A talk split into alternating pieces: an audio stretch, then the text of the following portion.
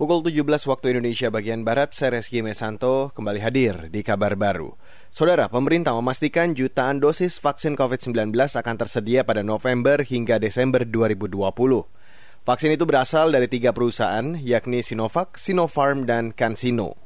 Meski demikian, Direktur Jenderal Pencegahan dan Pengendalian Penyakit Kementerian Kesehatan Ahmad Yuryanto menyatakan, masih menunggu emergency use authority atau persetujuan penggunaan vaksin dalam keadaan darurat dari Badan Pengawas Obat dan Makanan atau BPOM.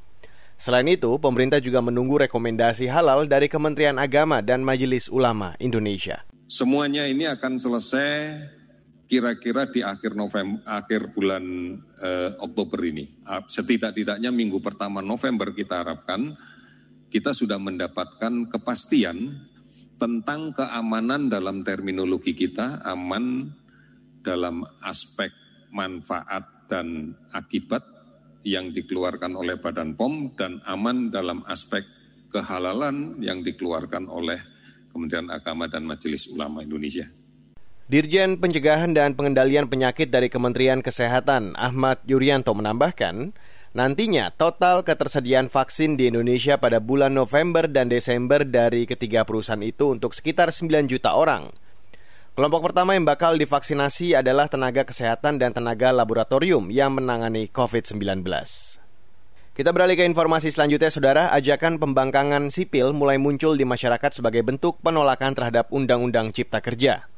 Pakar Hukum Tata Negara Bivitri Susanti mengatakan, pembangkangan sipil bukan berarti ajakan melakukan tindak kekerasan, melainkan upaya membangkang tanpa kekerasan. Jangan sampai terkecoh dengan terjemahan pembangkangan itu terkesannya dengan kekerasan. Karena secara konseptual kan konsepnya itu dikenal dengan nama civil disobedience. Jadi sebenarnya membangkang dalam arti tanpa kekerasan. Yeah. Gitu. Jadi jangan dibayangkan itu adalah ajakan untuk berdemonstrasi besar, tapi membangkang dalam arti tidak menerapkan suatu kebijakan yang dianggap melanggar HAM dan tidak punya legitimasi. Nah, kata kuncinya barangkali di situ tidak punya legitimasi karena dibuat dengan cara-cara yang sangat jauh dari demokrasi yang selama ini kita bangun. Nah, jadi pembangkangan itu seakan-akan ya tidak menganggap eksis suatu undang-undang yang tidak punya legitimasi seperti undang-undang cipta kerja ini.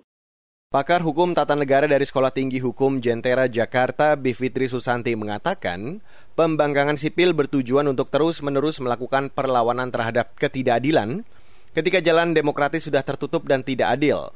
Sementara itu, aktivis hak asasi manusia Al-Ghifari Aksa mengatakan, pembangkangan sipil merupakan bentuk hak berekspresi, berpendapat, dan berkumpul. Meski begitu, Al-Ghifari menyebut pemerintah bisa melarang pembangkangan hukum melalui instrumen pemerintah. Kita beralih ke Thailand, Saudara. Perdana Menteri Thailand Prayut Chan Ocha melunak menghadapi demonstrasi anti pemerintah. Aksi unjuk rasa terus meluas hingga ke berbagai pelosok Thailand. Menanggapi aksi itu, Prayut meminta agar demonstrasi dilakukan sesuai aturan. Pernyataan Prayut ini kontras dengan pernyataannya pekan lalu yang mengancam akan menindak keras para demonstran apabila tidak berhenti berunjuk rasa. Ia pun memastikan tidak akan berubah pikiran dan mundur seperti desakan warga. Sebelumnya, Prayu Chanocha mendapat kecaman setelah polisi menggunakan cara-cara kekerasan untuk membubarkan demonstran seperti menembakkan meriam air di persimpangan Patumwan Jumat pekan lalu. Peristiwa itu memicu gelombang protes di Bangkok dan provinsi lain.